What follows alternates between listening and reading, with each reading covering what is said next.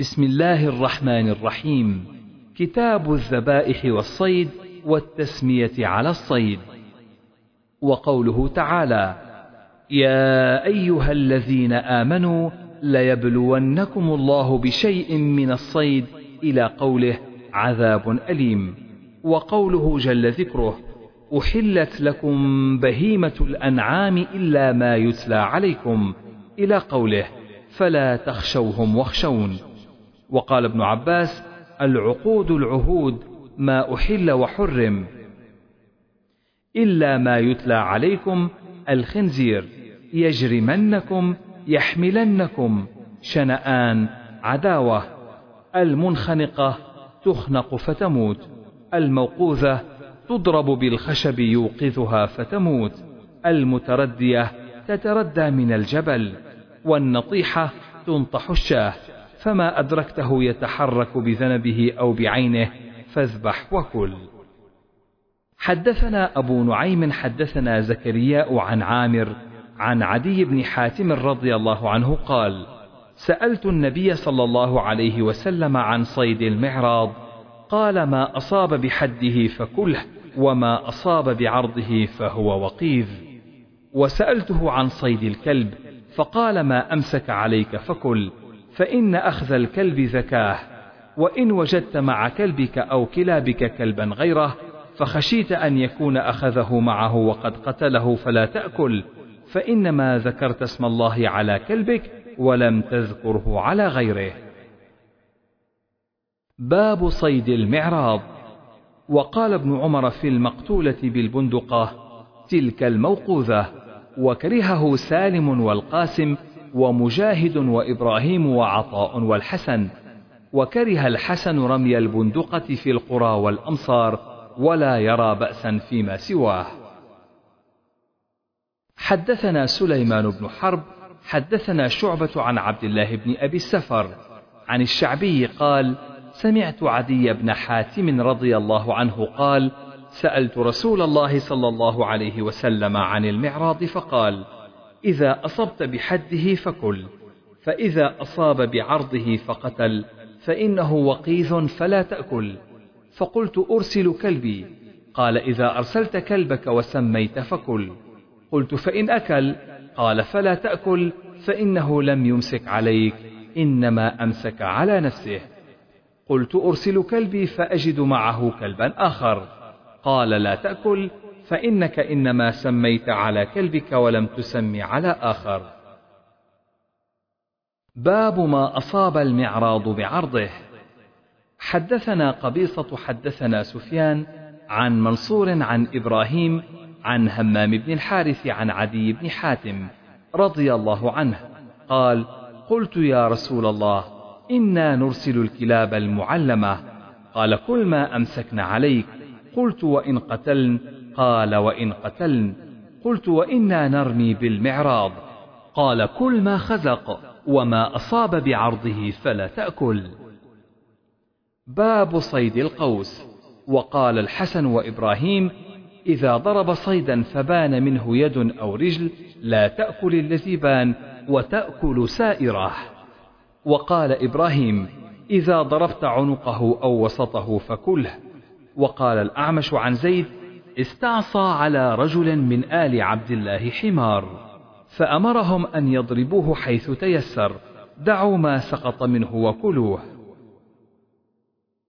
حدثنا عبد الله بن يزيد حدثنا حيوة قال أخبرني ربيعة بن يزيد الدمشقي عن أبي إدريس عن أبي ثعلبة الخشني قال قلت يا نبي الله إنا بأرض قوم أهل الكتاب أفنأكل في آنيتهم وبأرض صيد أصيد بقوسي وبكلبي الذي ليس بمعلم وبكلب المعلم فما يصلح لي؟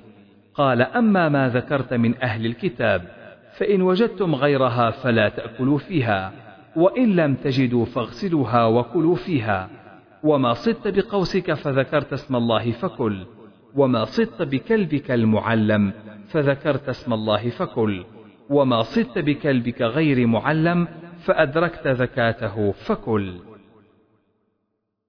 باب الخذف والبندقة. حدثنا يوسف بن راشد حدثنا وكيع ويزيد بن هارون واللفظ ليزيد. عن كهمس بن الحسن عن عبد الله بن بريدة عن عبد الله بن مغفل أنه رأى رجلا يخذف فقال له لا تخذف فإن رسول الله صلى الله عليه وسلم نهى عن الخذف. أو كان يكره الخذف وقال إنه لا يصاد به صيد ولا ينكى به عدو ولكنها قد تكسر السن وتفقأ العين. ثم رآه بعد ذلك يخذف فقال له أحدثك عن رسول الله صلى الله عليه وسلم أنه نهى عن الخذف أو كره الخذف وأنت تخذف لا أكلمك كذا وكذا. باب من اقتنى كلبا ليس بكلب صيد أو ماشية. حدثنا موسى بن إسماعيل حدثنا عبد العزيز بن مسلم حدثنا عبد الله بن دينار قال سمعت ابن عمر رضي الله عنهما عن النبي صلى الله عليه وسلم قال من اقتنى كلبا ليس بكلب ماشية أو ضارية نقص كل يوم من عمله قراطان حدثنا المكي بن إبراهيم أخبرنا حنظلة بن أبي سفيان قال سمعت سالما يقول سمعت عبد الله بن عمر يقول سمعت النبي صلى الله عليه وسلم يقول من اقتنى كلبا إلا كلب ضار لصيد أو كلب ماشية فإنه ينقص من أجره كل يوم قراطان حدثنا عبد الله بن يوسف أخبرنا مالك عن نافع عن عبد الله بن عمر قال قال رسول الله صلى الله عليه وسلم من اقتنى كلبا إلا كلب ماشية أو ضار نقص من عمله كل يوم قراطان. باب إذا أكل الكلب. وقوله تعالى يسألونك ماذا أحل لهم؟ قل أحل لكم الطيبات وما علمتم من الجوارح مكلبين. الصوائد والكواسب اجترحوا اكتسبوا تعلمونهن مما علمكم الله. فكلوا مما أمسكن عليكم إلى قوله سريع الحساب. وقال ابن عباس إن أكل الكلب فقد أفسده إنما أمسك على نفسه والله يقول تعلمونهن مما علمكم الله فتضرب وتعلم حتى يترك. وكرهه ابن عمر وقال عطاء إن شرب الدم ولم يأكل فكل.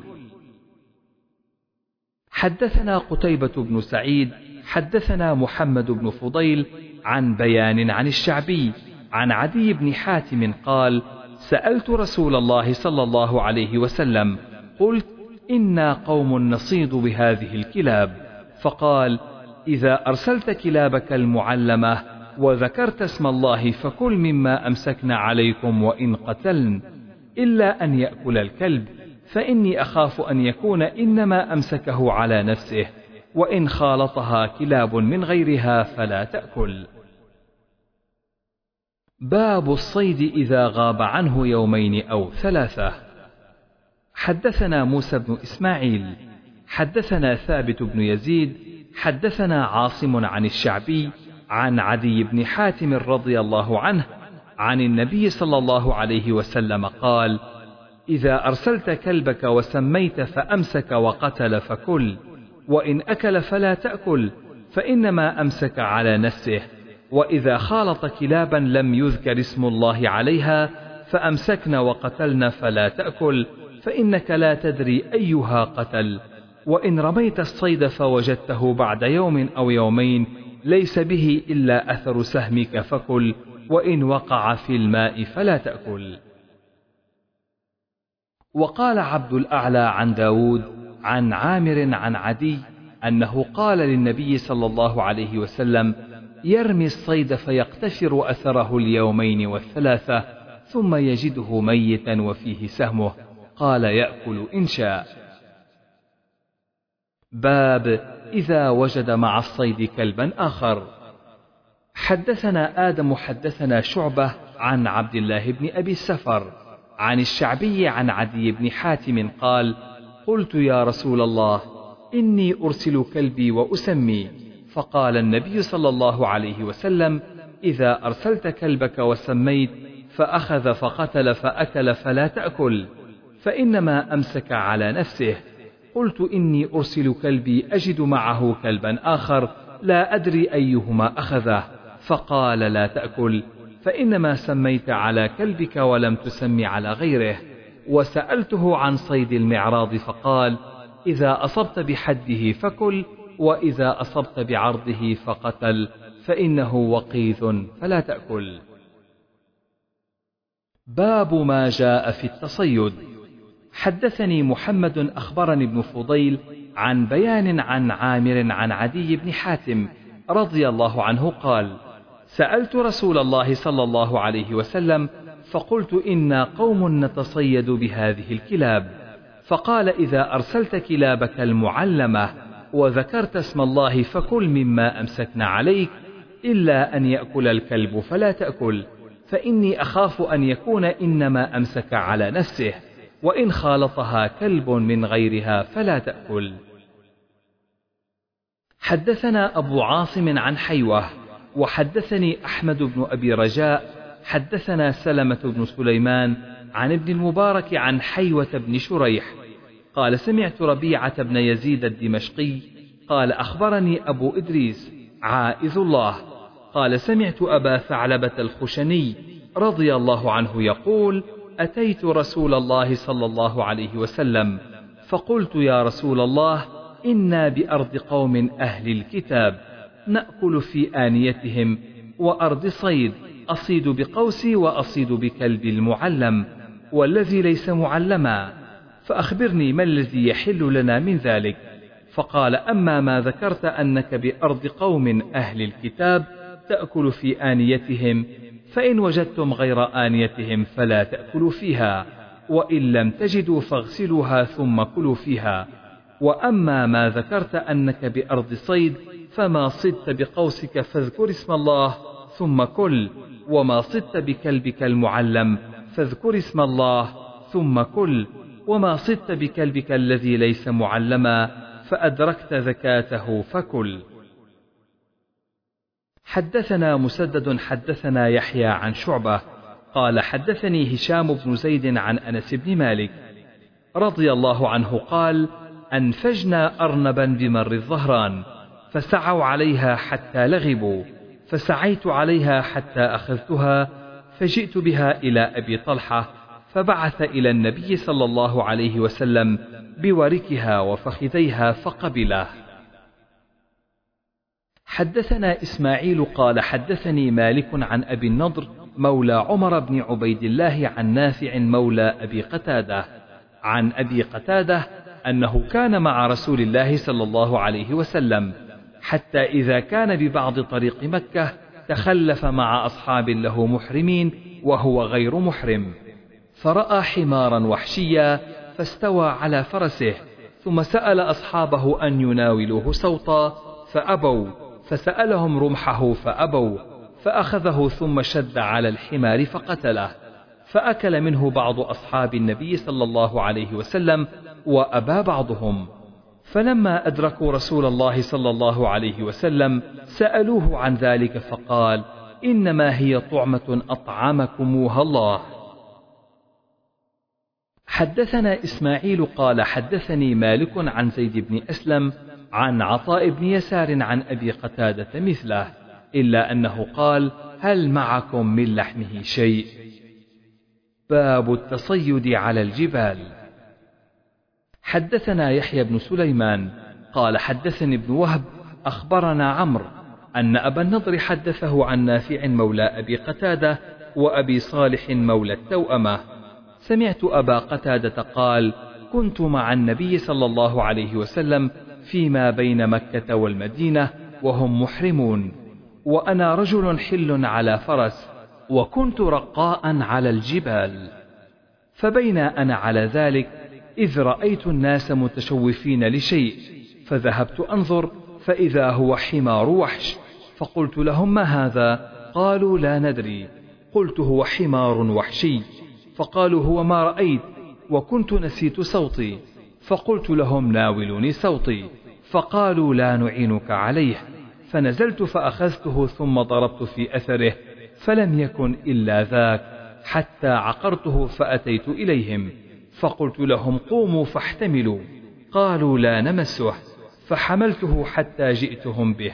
فأبى بعضهم وأكل بعضهم. فقلت أنا أستوقف لكم النبي صلى الله عليه وسلم. فأدركته فحدثته الحديث. فقال لي أبقي معكم شيء منه؟ قلت نعم. فقال كلوا فهو طعم أطعمكموها الله. باب قول الله تعالى أحل لكم صيد البحر. وقال عمر صيده مصطيد وطعامه ما رمى به. وقال أبو بكر الطافي حلال. وقال ابن عباس طعامه ميتته إلا ما قذرت منها. والجري لا تأكله اليهود ونحن نأكله. وقال شريح صاحب النبي صلى الله عليه وسلم كل شيء في البحر مذبوح. وقال عطاء أما الطير فأرى أن يذبحه. وقال ابن جريج قلت لعطاء صيد الأنهار وقلات السيل أصيد بحر هو؟ قال نعم. ثم تلا هذا عذب فرات وهذا ملح أجاج ومن كل تأكلون لحما طريا. وركب الحسن عليه السلام على سرج من جلود كلاب الماء. وقال الشعبي لو أن أهلي أكلوا الضفادع لأطعمتهم ولم ير الحسن بالسلحفاة بأسا. وقال ابن عباس كل من صيد البحر نصراني أو يهودي أو مجوسي. وقال أبو الدرداء في المري ذبح الخمر النينان والشمس. حدثنا مسدد حدثنا يحيى عن ابن جريج. قال أخبرني عمرو أنه سمع جابرا رضي الله عنه يقول غزونا جيش الخبط وأمر أبو عبيدة فجعنا جوعا شديدا. فألقى البحر حوتا ميتا لم ير مثله يقال له العنبر. فأكلنا منه نصف شهر فأخذ أبو عبيدة عظما من عظامه فمر الراكب تحته. حدثنا عبد الله بن محمد أخبرنا سفيان عن عمرو قال سمعت جابرا يقول بعثنا النبي صلى الله عليه وسلم ثلاثمائة راكب وأميرنا أبو عبيدة نرصد عيرا لقريش. فأصابنا جوع شديد حتى أكلنا الخبط فسمي جيش الخبط وألقى البحر حوتا يقال له العنبر. فأكلنا نصف شهر وادهنا بودكه حتى صلحت أجسامنا. قال فأخذ أبو عبيدة ضلعا من أضلاعه فنصبه فمر الراكب تحته وكان فينا رجل. فلما اشتد الجوع نحر ثلاث جزائر ثم ثلاث جزائر ثم نهاه أبو عبيدة. باب أكل الجراد. حدثنا أبو الوليد حدثنا شعبة عن أبي يعفور قال سمعت ابن أبي أوفى رضي الله عنهما قال غزونا مع النبي صلى الله عليه وسلم سبع غزوات أو ستة كنا نأكل معه الجراد. قال سفيان وأبو عوانة وإسرائيل عن أبي يعفور عن ابن أبي أوفى سبع غزوات. باب آنية المجوس والميتة. حدثنا أبو عاصم عن حيوة بن شريح قال حدثني ربيعة بن يزيد الدمشقي قال حدثني أبو إدريس الخولاني قال حدثني أبو ثعلبة الخشني قال أتيت النبي صلى الله عليه وسلم فقلت يا رسول الله إنا بأرض أهل الكتاب فنأكل في آنيتهم وبأرض صيد أصيد بقوسي وأصيد بكلب المعلم وبكلب الذي ليس بمعلم. فقال النبي صلى الله عليه وسلم أما ما ذكرت أنك بأرض أهل كتاب فلا تأكلوا في آنيتهم إلا أن تجدوا بدا فإن لم تجدوا بدا فاغسلوها وكلوا وأما ما ذكرت أنكم بأرض صيد فما صدت بقوسك فاذكر اسم الله وكل وما صدت بكلبك المعلم فاذكر اسم الله وكل وما صدت بكلبك الذي ليس بمعلم فأدركت زكاته فكله. حدثنا المكي بن إبراهيم قال حدثني يزيد بن أبي عبيد عن سلمة بن الأكوع قال لما أمسوا يوم فتحوا خيبر أوقدوا النيران. قال النبي صلى الله عليه وسلم على ما أوقدتم هذه النيران؟ قالوا لحوم الحمر الإنسية. قال أهريقوا ما فيها واكسروا قدورها. فقام رجل من القوم فقال نهريق ما فيها ونغسلها. فقال النبي صلى الله عليه وسلم أو ذاك. باب التسمية على الذبيحة ومن ترك متعمدا. قال ابن عباس من نسي فلا بأس. وقال الله تعالى ولا تأكلوا مما لم يذكر اسم الله عليه وإنه لفسق والناس لا يسمى فاسقا. وقوله وإن الشياطين ليوحون إلى أوليائهم ليجادلوكم. وإن أطعتموهم إنكم لمشركون. حدثني موسى بن إسماعيل. حدثنا أبو عوانة عن سعيد بن مسروق عن عباية بن رفاعة ابن رافع عن جده رافع بن خديج قال كنا مع النبي صلى الله عليه وسلم بذي الحليفة فأصاب الناس جوع فأصبنا إبلا وغنما وكان النبي صلى الله عليه وسلم في أخريات الناس فعجلوا فنصبوا القدور فدفع إليهم النبي صلى الله عليه وسلم فأمر بالقدور فأكفئت ثم قسم فعدل عشرة من الغنم ببعير فند منها بعير وكان في القوم خيل يسيرة فطلبوه فأعياهم فأهوى إليه رجل بسهم فحبسه الله. فقال النبي صلى الله عليه وسلم إن لهذه البهائم أوابد كأوابد الوحش فما ند عليكم فاصنعوا به هكذا. قال وقال جدي إنا لنرجو أو نخاف أن نلقى العدو غدا وليس معنا مدى أفنذبح بالقصب. فقال ما أنهر الدم وذكر اسم الله عليه فكل ليس السن والظفر وسأخبركم عنه أما السن عظم وأما الظفر فمدى الحبشة. باب ما ذبح على النصب والأصنام. حدثنا معل بن أسد حدثنا عبد العزيز يعني ابن المختار أخبرنا موسى بن عقبة قال أخبرني سالم أنه سمع عبد الله يحدث عن رسول الله صلى الله عليه وسلم أنه لقي زيد بن عمرو بن نفيل بأسفل بلدح وذاك قبل أن ينزل على رسول الله صلى الله عليه وسلم الوحي. فقدم إليه رسول الله صلى الله عليه وسلم سفرة فيها لحم فأبى أن يأكل منها ثم قال إني لا آكل مما تذبحون على أنصابكم ولا آكل إلا مما ذكر اسم الله عليه. باب قول النبي صلى الله عليه وسلم فليذبح على اسم الله. حدثنا قتيبة حدثنا أبو عوانة عن الأسود بن قيس عن جندب بن سفيان البجلي قال ضحينا مع رسول الله صلى الله عليه وسلم أضحية ذات يوم فإذا أناس قد ذبحوا ضحاياهم قبل الصلاة فلما انصرف رآهم النبي صلى الله عليه وسلم أنهم قد ذبحوا قبل الصلاة فقال من ذبح قبل الصلاة فليذبح مكانها أخرى. ومن كان لم يذبح حتى صلينا فليذبح على اسم الله. باب ما أنهر الدم من القصب والمروة والحديد. حدثنا محمد بن أبي بكر حدثنا معتمر عن عبيد الله عن نافع. سمع ابن كعب بن مالك يخبر ابن عمر أن أباه أخبره أن جارية لهم كانت ترعى غنما بسلع. فأبصرت بشاة من غنمها موتى فكسرت حجرا فذبحتها. فقال لأهله لا تأكلوا حتى آتي النبي صلى الله عليه وسلم فأسأله أو حتى أرسل إليه من يسأله. فأتى النبي صلى الله عليه وسلم أو بعث إليه فأمر النبي صلى الله عليه وسلم بأكلها. حدثنا موسى حدثنا جويرية عن نافع.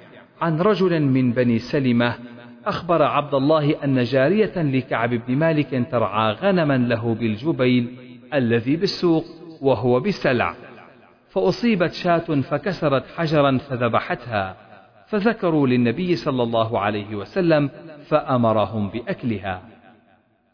حدثنا عبدان قال أخبرني أبي عن شعبة عن سعيد بن مسروق عن عباية بن رافع عن جده أنه قال يا رسول الله ليس لنا مدى. فقال ما أنهر الدم وذكر اسم الله فكل. ليس الظفر والسن. أما الظفر فمدى الحبشة وأما السن فعظم. وند بعير فحبسته. فقال إن لهذه الإبل أوابد كأوابد الوحش. فما غلبكم منها فاصنعوا هكذا. باب ذبيحة المرأة والأمة. حدثنا صدقة أخبرنا عبدة عن عبيد الله عن نافع عن ابن لكعب بن مالك عن أبيه أن امرأة ذبحت شاة بحجر فسئل النبي صلى الله عليه وسلم عن ذلك فأمر بأكلها. وقال الليث حدثنا نافع أنه سمع رجلا من الأنصار يخبر عبد الله عن النبي صلى الله عليه وسلم أن جارية لكعب بهذا. حدثنا إسماعيل قال حدثني مالك عن نافع عن رجل من الأنصار عن معاذ بن سعد أو سعد بن معاذ أخبره أن جارية لكعب بن مالك كانت ترعى غنما بسلع فأصيبت شاة منها فأدركتها فذبحتها بحجر فسئل النبي صلى الله عليه وسلم فقال كلها باب لا يزكى بالسن والعظم والظفر. حدثنا قبيصة حدثنا سفيان عن أبيه عن عباية بن رفاعة عن رافع بن خديج قال قال النبي صلى الله عليه وسلم كل يعني ما أنهر الدم إلا السن والظفر. باب ذبيحة الأعراب ونحوهم. حدثنا محمد بن عبيد الله حدثنا أسامة بن حفص المدني عن هشام بن عروة عن أبيه عن عائشة رضي الله عنها أن قوما قالوا للنبي صلى الله عليه وسلم إن قوما يأتون باللحم لا ندري أذكر اسم الله عليه أم لا. فقال سموا عليه أنتم وكلوه. قالت وكانوا حديثي عهد بالكفر. تابعه علي عن الدراوردي وتابعه أبو خالد والطفاوي. باب ذبائح أهل الكتاب وشحومها من أهل الحرب وغيرهم وقوله تعالى اليوم أحل لكم الطيبات وطعام الذين أوتوا الكتاب حل لكم وطعامكم حل لهم. وقال الزهري لا بأس بذبيحة نصارى العرب وإن سمعته يسمي لغير الله فلا تأكل وإن لم تسمعه فقد أحله الله وعلم كفرهم. ويذكر عن علي نحوه وقال الحسن وإبراهيم لا بأس بذبيحة الأقلف.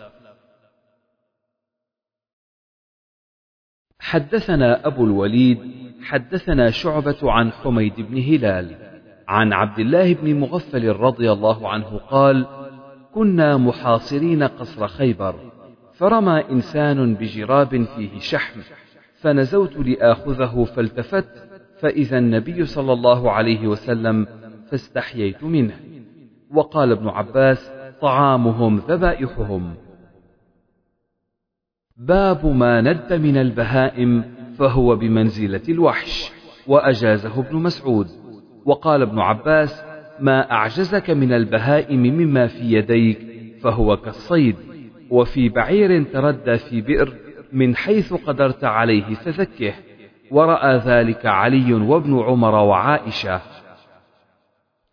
حدثنا عمرو بن علي حدثنا يحيى حدثنا سفيان حدثنا أبي عن عباية بن رفاعة ابن رافع بن خديج. عن رافع بن خديج قال قلت يا رسول الله إنا لاقوا العدو غدا وليست معنا مدى. فقال اعجل أو أرن ما أنهر الدم وذكر اسم الله فكل ليس السن والظفر وسأحدثك. أما السن فعظم وأما الظفر فمدى الحبشة. وأصبنا نهب إبل وغنم فند منها بعير. فرماه رجل بسهم فحبسه. فقال رسول الله صلى الله عليه وسلم إن لهذه الإبل أوابد كأوابد الوحش فإذا غلبكم منها شيء فافعلوا به هكذا. باب النحر والذبح. وقال ابن جريج عن عطاء لا ذبح ولا منحر إلا في المذبح والمنحر. قلت أيجزي ما يذبح أن أنحره قال نعم ذكر الله ذبح البقرة فإن ذبحت شيئا ينحر جاز والنحر أحب إلي والذبح قطع الأوداج. قلت فيخلف الأوداج حتى يقطع النخاع. قال لا إخال. وأخبرني نافع أن ابن عمر نهى عن النخع. يقول يقطع ما دون العظم ثم يدع حتى تموت. وقول الله تعالى وإذ قال موسى لقومه إن الله يأمركم أن تذبحوا بقرة. وقال فذبحوها وما كادوا يفعلون. وقال سعيد عن ابن عباس الزكاة في الحلق واللبة. وقال ابن عمر وابن عباس وأنس إذا قطع الرأس فلا بأس. حدثنا خلاد بن يحيى حدثنا سفيان عن هشام بن عروة قال أخبرتني فاطمة بنت المنذر امرأتي عن أسماء بنت أبي بكر رضي الله عنهما قالت نحرنا على عهد النبي صلى الله عليه وسلم فرسا فأكلناه حدثنا إسحاق سمع عبدة عن هشام عن فاطمة عن أسماء قالت ذبحنا على عهد رسول الله صلى الله عليه وسلم فرسا ونحن بالمدينة فأكلناه حدثنا قتيبة حدثنا جرير عن هشام عن فاطمة بنت المنذر أن أسماء بنت أبي بكر قالت نحرنا على عهد رسول الله صلى الله عليه وسلم فرسا فأكلناه تابعه وكيع وابن عيينة عن هشام في النحر. باب ما يكره من المثلة والمصبورة والمجثمة حدثنا أبو الوليد حدثنا شعبة عن هشام بن زيد. قال دخلت مع أنس على الحكم بن أيوب فرأى غلمانا أو فتيانا نصبوا دجاجة يرمونها. فقال أنس نهى النبي صلى الله عليه وسلم أن تصبر البهائم. حدثنا أحمد بن يعقوب أخبرنا إسحاق بن سعيد بن عمرو عن أبيه أنه سمعه يحدث عن ابن عمر رضي الله عنهما أنه دخل على يحيى بن سعيد وغلام من بني يحيى رابط دجاجة يرميها فمشى إليها ابن عمر حتى حلها ثم أقبل بها وبالغلام معه. فقال ازجروا غلامكم عن أن يصبر هذا الطير للقتل فإني سمعت النبي صلى الله عليه وسلم نهى أن تصبر بهيمة أو غيرها للقتل. حدثنا أبو النعمان حدثنا أبو عوانة عن أبي بشر عن سعيد بن جبير قال كنت عند ابن عمر فمروا بفتية أو بنفر نصبوا دجاجة يرمونها. فلما رأوا ابن عمر تفرقوا عنها وقال ابن عمر من فعل هذا؟ إن النبي صلى الله عليه وسلم لعن من فعل هذا.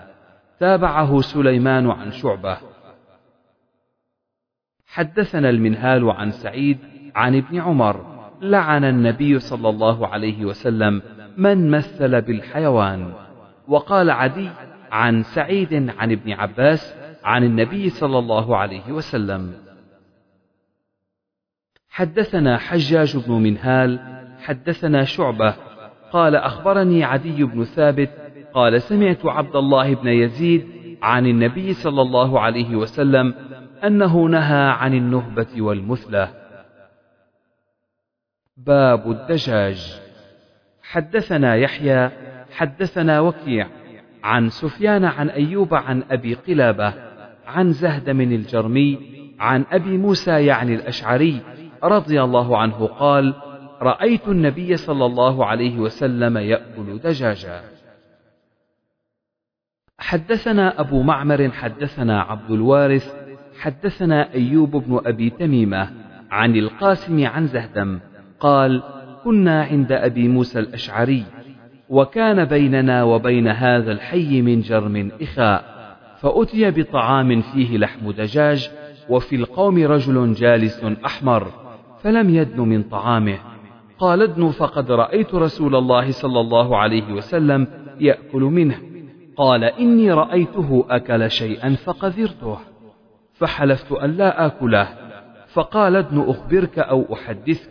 إني أتيت النبي صلى الله عليه وسلم في نفر من الأشعريين فوافقته وهو غضبان وهو يقسم نعما من نعم الصدقة. فاستحملناه فحلف ألا يحملنا. قال ما عندي ما أحملكم عليه. ثم أتي رسول الله صلى الله عليه وسلم بنهب من إبل. فقال أين الأشعريون؟ أين الأشعريون؟ قال فأعطانا خمس ذود غر الذرى. فلبثنا غير بعيد. فقلت لأصحابي نسي رسول الله صلى الله عليه وسلم يمينه. فوالله لئن تغفلنا رسول الله صلى الله عليه وسلم يمينه لا نفلح أبدا. فرجعنا إلى النبي صلى الله عليه وسلم فقلنا يا رسول الله إن استحملناك فحلفت ألا تحملنا. فظننا أنك نسيت يمينك. فقال إن الله هو حملكم إني والله إن شاء الله لا أحلف على يمين فأرى غيرها خيرا منها إلا أتيت الذي هو خير وتحللتها. باب لحوم الخيل. حدثنا الحميدي حدثنا سفيان حدثنا هشام عن فاطمة عن أسماء قالت نحرنا فرسا على عهد رسول الله صلى الله عليه وسلم فأكلناه حدثنا مسدد حدثنا حماد بن زيد عن عمرو بن دينار. عن محمد بن علي عن جابر بن عبد الله رضي الله عنهم قال نهى النبي صلى الله عليه وسلم يوم خيبر عن لحوم الحمر ورخص في لحوم الخيل. باب لحوم الحمر الإنسية فيه عن سلمة عن النبي صلى الله عليه وسلم. حدثنا صدقة أخبرنا عبده عن عبيد الله عن سالم ونافع عن ابن عمر رضي الله عنهما. نهى النبي صلى الله عليه وسلم عن لحوم الحمر الأهلية يوم خيبر. حدثنا مسدد حدثنا يحيى عن عبيد الله. حدثني نافع عن عبد الله قال نهى النبي صلى الله عليه وسلم عن لحوم الحمر الأهلية. تابعه ابن المبارك عن عبيد الله عن نافع. وقال أبو أسامة عن عبيد الله عن سالم. حدثنا عبد الله بن يوسف أخبرنا مالك عن ابن شهاب عن عبد الله والحسن بن محمد بن علي عن أبيهما. عن علي رضي الله عنهم قال نهى رسول الله صلى الله عليه وسلم عن المتعة عام خيبر ولحوم حمر الإنسية. حدثنا سليمان بن حرب حدثنا حماد عن عمرو عن محمد بن علي عن جابر بن عبد الله قال نهى النبي صلى الله عليه وسلم يوم خيبر عن لحوم الحمر ورخص في لحوم الخيل. حدثنا مسدد حدثنا يحيى عن شعبة قال حدثني عدي عن البراء وابن أبي أوفى رضي الله عنهم قالا نهى النبي صلى الله عليه وسلم عن لحوم الحمر. حدثنا إسحاق أخبرنا يعقوب بن إبراهيم حدثنا أبي عن صالح عن ابن شهاب أن أبا إدريس أخبره أن أبا ثعلبة قال حرم رسول الله صلى الله عليه وسلم لحوم الحمر الأهلية. تابعه الزبيدي وعقيل عن ابن شهاب. وقال مالك ومعمر والماجشون ويونس وابن إسحاق عن الزهري نهى النبي صلى الله عليه وسلم عن كل ذي ناب من السباع. حدثنا محمد بن سلام أخبرنا عبد الوهاب الثقفي عن أيوب عن محمد عن أنس بن مالك رضي الله عنه أن رسول الله صلى الله عليه وسلم جاءه جاء فقال أكلت الحمر ثم جاءه جاء فقال أكلت الحمر. ثم جاءه جاء فقال أفنيت الحمر. فأمر مناديا فنادى في الناس إن الله ورسوله ينهيانكم عن لحوم الحمر الأهلية فإنها رجس فأكفئت القدور وإنها لتفور باللحم. حدثنا علي بن عبد الله حدثنا سفيان قال عمرو قلت لجابر بن زيد يزعمون أن رسول الله صلى الله عليه وسلم نهى عن حمر الأهلية. فقال قد كان يقول ذاك الحكم بن عمرو الغفاري عندنا بالبصرة ولكن أبى ذاك البحر بن عباس وقرأ قل لا أجد فيما أوحي إلي محرما. باب أكل كل ذي ناب من السباع. حدثنا عبد الله بن يوسف أخبرنا مالك عن ابن شهاب عن أبي إدريس الخولاني عن أبي ثعلبة رضي الله عنه أن رسول الله صلى الله عليه وسلم نهى عن أكل كل ذي ناب من السباع تابعه يونس ومعمر وابن عيينة والماجشون عن الزهري. باب جلود الميتة.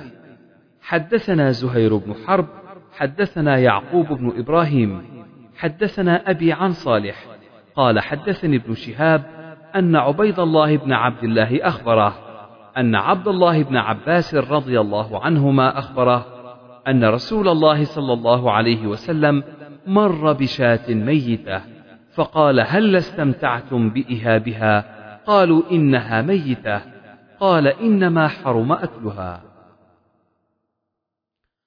حدثنا خطاب بن عثمان حدثنا محمد بن حمير عن ثابت بن عجلان قال سمعت سعيد بن جبير قال سمعت ابن عباس رضي الله عنهما يقول مر النبي صلى الله عليه وسلم بعنز ميتة فقال ما على أهلها لو انتفعوا بإهابها.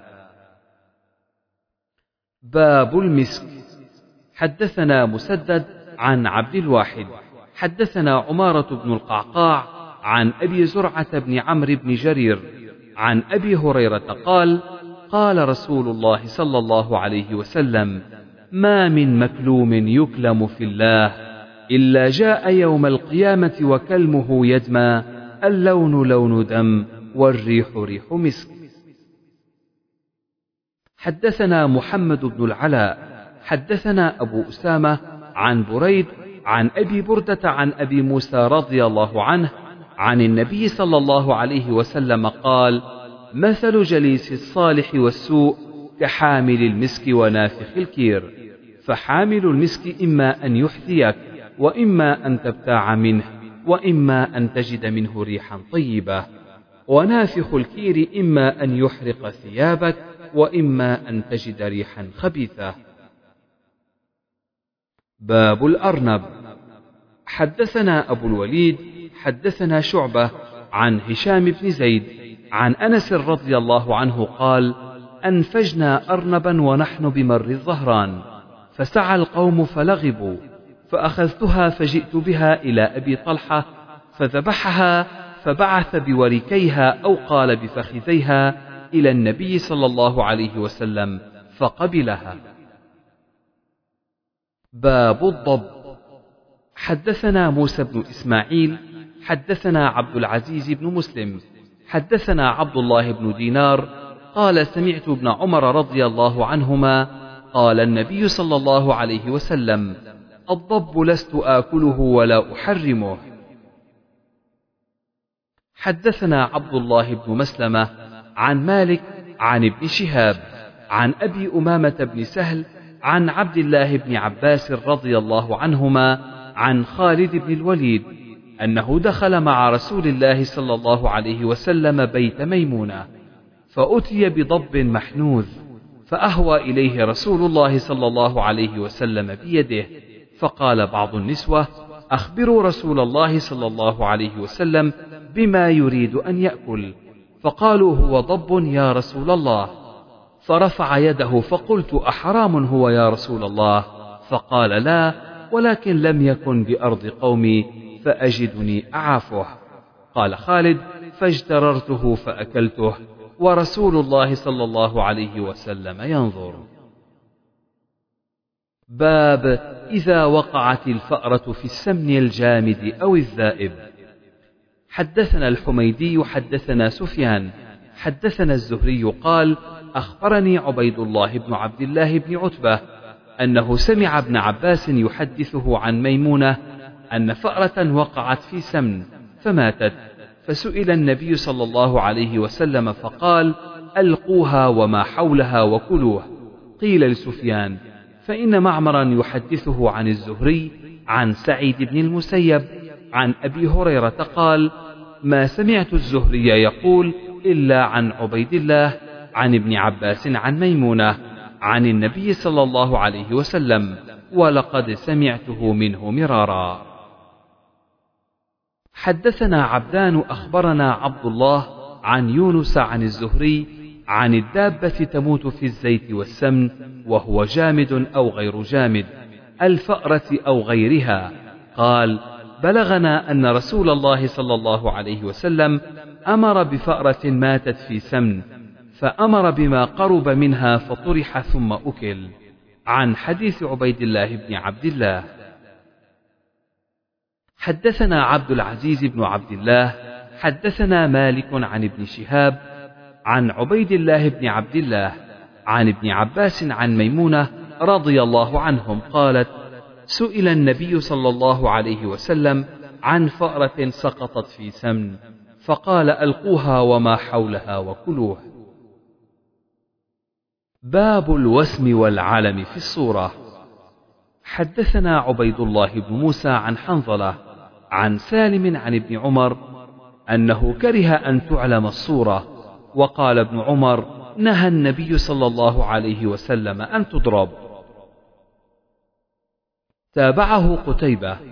حدثنا العنقزي عن حنظلة وقال تضرب الصورة. حدثنا أبو الوليد حدثنا شعبة عن هشام بن زيد عن أنس. قال دخلت على النبي صلى الله عليه وسلم بأخ لي يحنكه وهو في مربد له فرأيته يسم شاة حسبته قال في آذانها. باب إذا أصاب قوم غنيمة فذبح بعضهم غنما أو إبلا بغير أمر أصحابهم لم تؤكل.